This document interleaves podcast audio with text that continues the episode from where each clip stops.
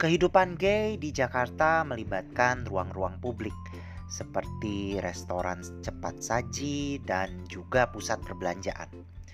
Di sebuah restoran cepat saji internasional yang terletak di bilangan Sarinah, komunitas gay saling berkumpul dan mencoba menemukan sesamanya. Hal ini merupakan sebuah contoh bagaimana individu gay lokal memanfaatkan ruang yang diciptakan oleh kapitalisme global untuk membentuk komunitasnya sendiri. Pertanyaannya sekarang adalah, apakah hal ini berarti komunitas gay lokal tidak selalu bisa terlepas dari pengaruh kapitalisme global?